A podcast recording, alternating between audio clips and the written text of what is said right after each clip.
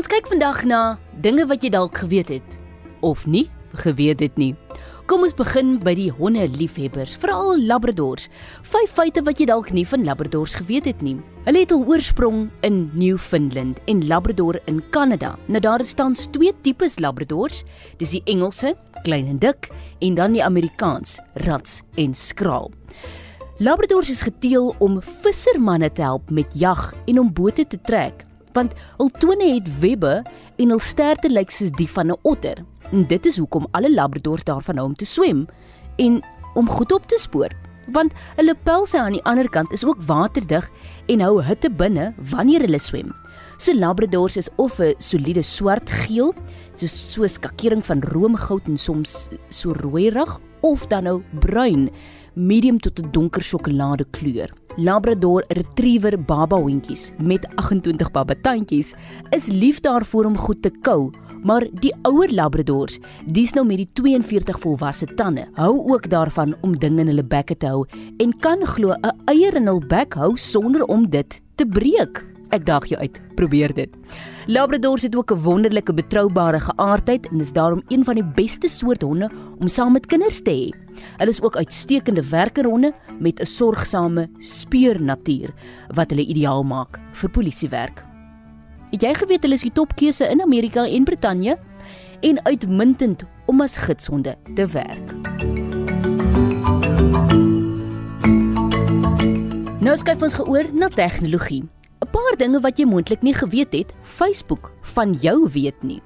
In 'n dokument van meer as 200 bladsye reageer Facebook op die meer as 2000 vrae wat die Amerikaanse Senaat aan sy uitvoerende hoof Mark Zuckerberg gestel het oor die manier waarop die sosiale netwerk gebruikers se data versamel en gebruik. So hier is van die vreemdste brokkies data wat Facebook oor sy gebruikers insamel watter soort slimfoon of rekenaar jy gebruik om toegang tot die platform te verkry, die vervaardiger daarvan, die bedryfstelsel en watter webblaaier jy gebruik. Facebook weet ook wie jou internet en selfoondiensverskaffer is, asook wat jou IP-adres is. Dit het toegang tot jou cookie data, dis net nou die webwerwe wat jy besoek het, in watter tydsone jy woon en wat jou internetspoed is. In sommige gevalle sal hy ander toestelle op dieselfde netwerk monitor om gebruikers te help om dinge te doen soos om video van hul foon na 'n TV-stel te stroom. Dan Alle syne wat jou slimfoon uitstuur, word ook deur Facebook gemonitor. Dit sluit in watter toestelle aan jou Bluetooth verbind is, Wi-Fi sones naby jou en jou naaste selfoontoring. Dan versamel dit ook 'n groot hoeveelheid inligting oor jou toestel, insluitend, sjoe, batteryvlak, hoe sterk jou ontvangs is en hoeveel stoorplek jou toestel oor het. Verder in die geval van 'n rekenaar, let Facebook op of jou webblaaier in die voor- of agtergrond oop is, konsys om te bepaal of jy 'n robot is of nie. Nou indien jy nie jou slimfoon se verstellings verander het nie, hou Facebook met behulp van GPS inligting oor jou bewegings. Die inligting word ook versamel in die fotos wat jy neem en deel. Location, location, location. Facebook hou ook inligting oor oproepe en SMS'e op sommige Android-fone tensy 'n gebruiker uitdruklik aandui hy nie die inligting wil deel nie. Die maatskappy monitor ook jou aankope by verskeie derde-party webwerwe, veral e-handelaars wat die opsie bied om met jou Facebook besonderhede aan te meld of wat 'n like knoppie van Facebook by artikels bied. En dan gou 'n laaste een, Facebook kan ook inligting oor jou aankope in fisieke winkels by derde-party firmas koop wat die inligting versamel. So, die sosiale netwerk gebruik dit om te bepaal of jou aankope dalk beïnvloed is deur 'n advertensie wat jy op Facebook gesien het en om in die toekoms meer vir persoonlike advertensies aan jou te wys op grond van jou belangstelling.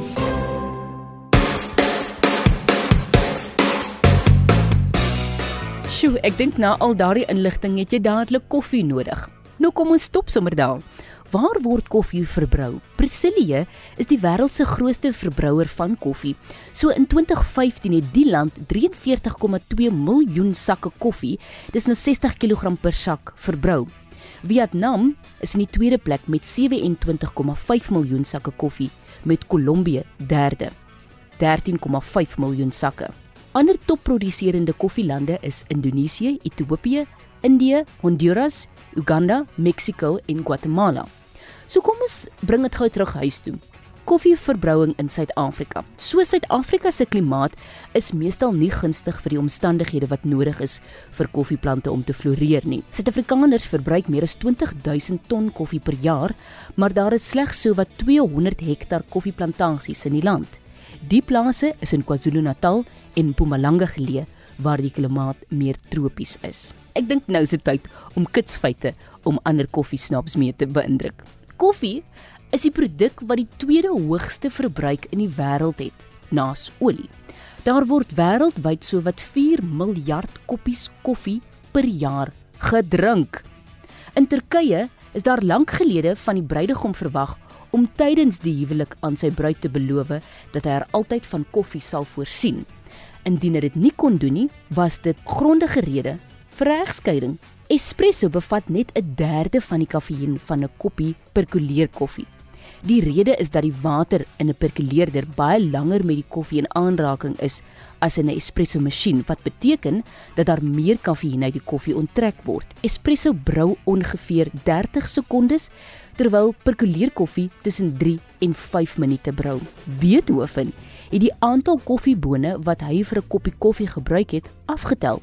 Hy het geglo 60 bone maak die perfekte koppie koffie. Hier is dit in orde om te sê tan tan tan tan. Het jy ook geweet dat koffiebone is nie eintlik bone nie. Dis bessies van die koffieboombos. Die perfekte temperatuur vir die melk waarmee cappuccino gemaak word is 65 grade. En jy, my liewe koffieliefhebber, behoort nie meer as 500 mg kafeïen per dag in te neem nie. Een koppie koffie bevat tussen 95 mg en 200 mg Luister dus na jou liggaam en beperk jou koffie tot die hoeveelheid wat jy kan inneem voor jy neeweffekte begin ervaar. Nou so van die milligram na sekerlik die swaarste dier op aarde, oom olifant. Jy geweet daar is vele plekke in Suid-Afrika met olifant in 'n naam soos olifantsvlei, olifantskop en olifantsberg. Waar's my mense steek julle hande op? Maar die plek het een ding gemeen. Daar is nie meer olifante daar nie. Olifante eet 70 tot 300 kg kos per dag en meer as 85 verskillende soorte muskruiers kan in olifantmis aan die werk gevind word. Nou na al daardie inligting, het jy 'n geheue soos 'n olifant?